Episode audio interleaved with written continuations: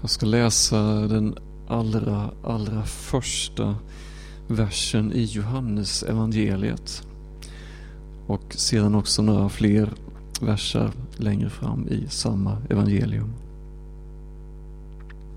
I begynnelsen var ordet och ordet var hos Gud och ordet var Gud. Ja, ordet. Vi förstår att det är Jesus Kristus som åsyftas när vi fortsätter att läsa det här evangeliet. Jesus, han som är ordet, Guds skaparord, på grekiska logos, det högsta. Skaparen själv. Och så läser vi några verser längre fram i den fjortonde versen. Och ordet blev kött och bodde bland oss. Och vi såg hans härlighet. En härlighet som den enfödde har av Fadern. Och han var full av nåd och sanning. Efter det här förordet, det som ibland kallas för Johannesprologen, de första 18 verserna, så börjar sen själva berättelsen om Jesus från Nasaret. Och i den berättelsen så exemplifieras det på flera ställen vad det är som menas med att han var full av nåd och sanning. Och jag ska ta ett sådant exempel som ges på det. Jag läser från det åttonde kapitlet, från den andra versen i Johannes då. Tidigt på morgonen kom han tillbaka till tempelplatsen. Allt folket samlades omkring honom och han satte sig ner och undervisade dem. Då kom de skriftlärda och fariseerna fram till honom med en kvinna som gripits för äktenskapsbrott. De ställde henne mitt framför sig och sade Mästare, den här kvinnan greps på bar gärning när hon begick äktenskapsbrott. I lagen har Mose befallt oss att stena sådana. Vad säger då du? Detta sade de för att snärja honom och att ha något att anklaga honom för. Ja, hur skulle Jesus göra här? Om han sa som svar till dem, följ lagen, så skulle han ju verkligen inte framstå som så kärleksfull som det budskap som han så ofta och hela tiden faktiskt predikade. Om han istället skulle säga, nej, släpp henne, så skulle de alldeles strax anklaga honom för att inte vilja följa Mose lag, att inte stå för deras viktiga fäder ärvda lag från Mose. Så hur skulle han göra? Vi läser vidare. Men Jesus böjde sig ner och skrev med fingret på marken. När de stod kvar och frågade honom reste han sig och sa Den som är utan synd må kasta första stenen på henne. Och han böjde sig ner igen och skrev på marken. När de hörde detta gick de därifrån, den ene efter den andra. De äldste först och han blev lämnad ensam kvar med kvinnan som stod där. Jesus reste sig upp och sa till henne, Kvinna, var är de? Har ingen dömt dig? Hon svarade, Nej, Herre, ingen. Då sa Jesus, inte heller jag dömer dig. Gå och synda inte mer. Ja, det här är ju en oerhört fascinerande berättelse.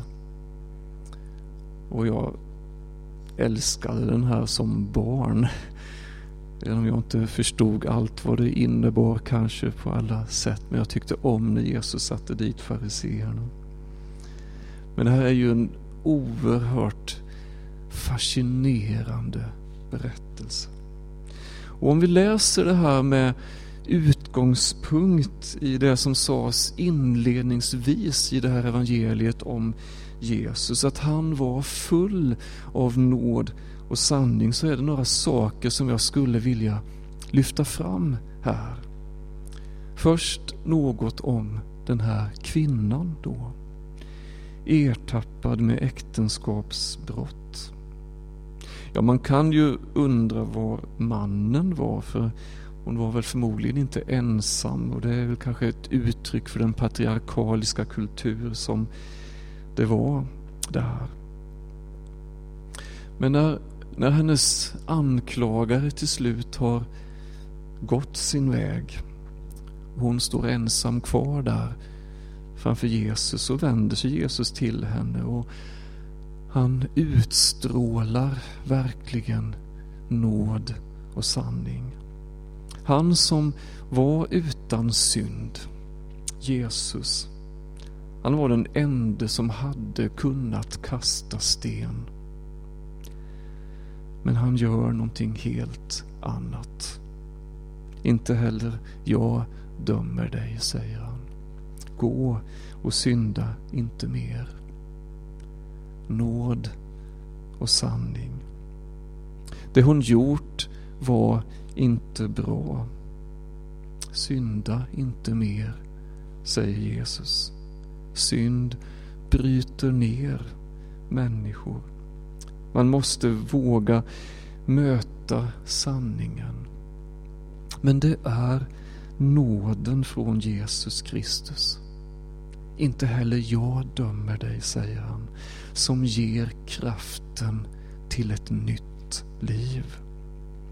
Och hennes ödmjuka respons på Jesu fråga om ingen hade dömt henne öppnar för ett flöde av nåd och nytt liv in i hennes situation.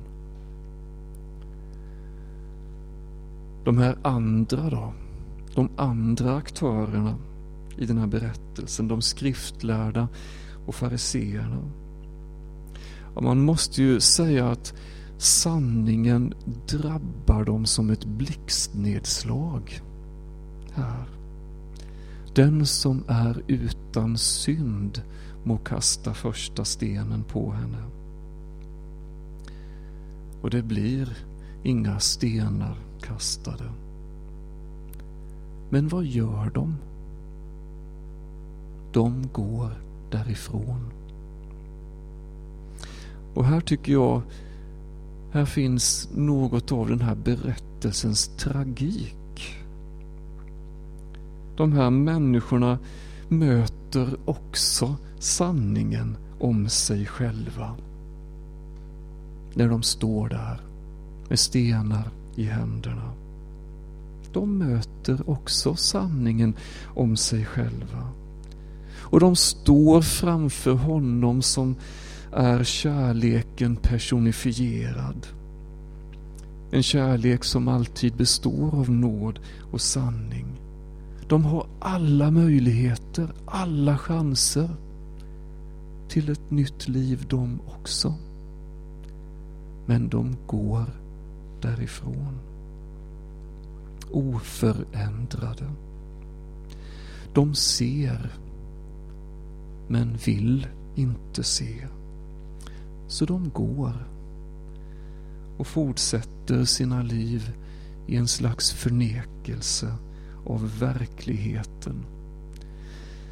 Där självrätt, självrättfärdigheten till varje pris måste upprätthållas och försvaras.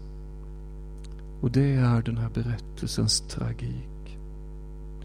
Hur många av oss har inte varit där? Jag har det och är fortfarande ibland.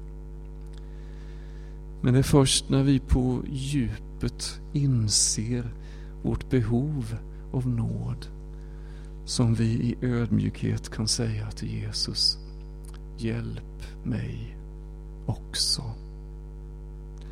Och på det sättet sätta en boll i rullning som kan faktiskt överraska vem som helst. Amen.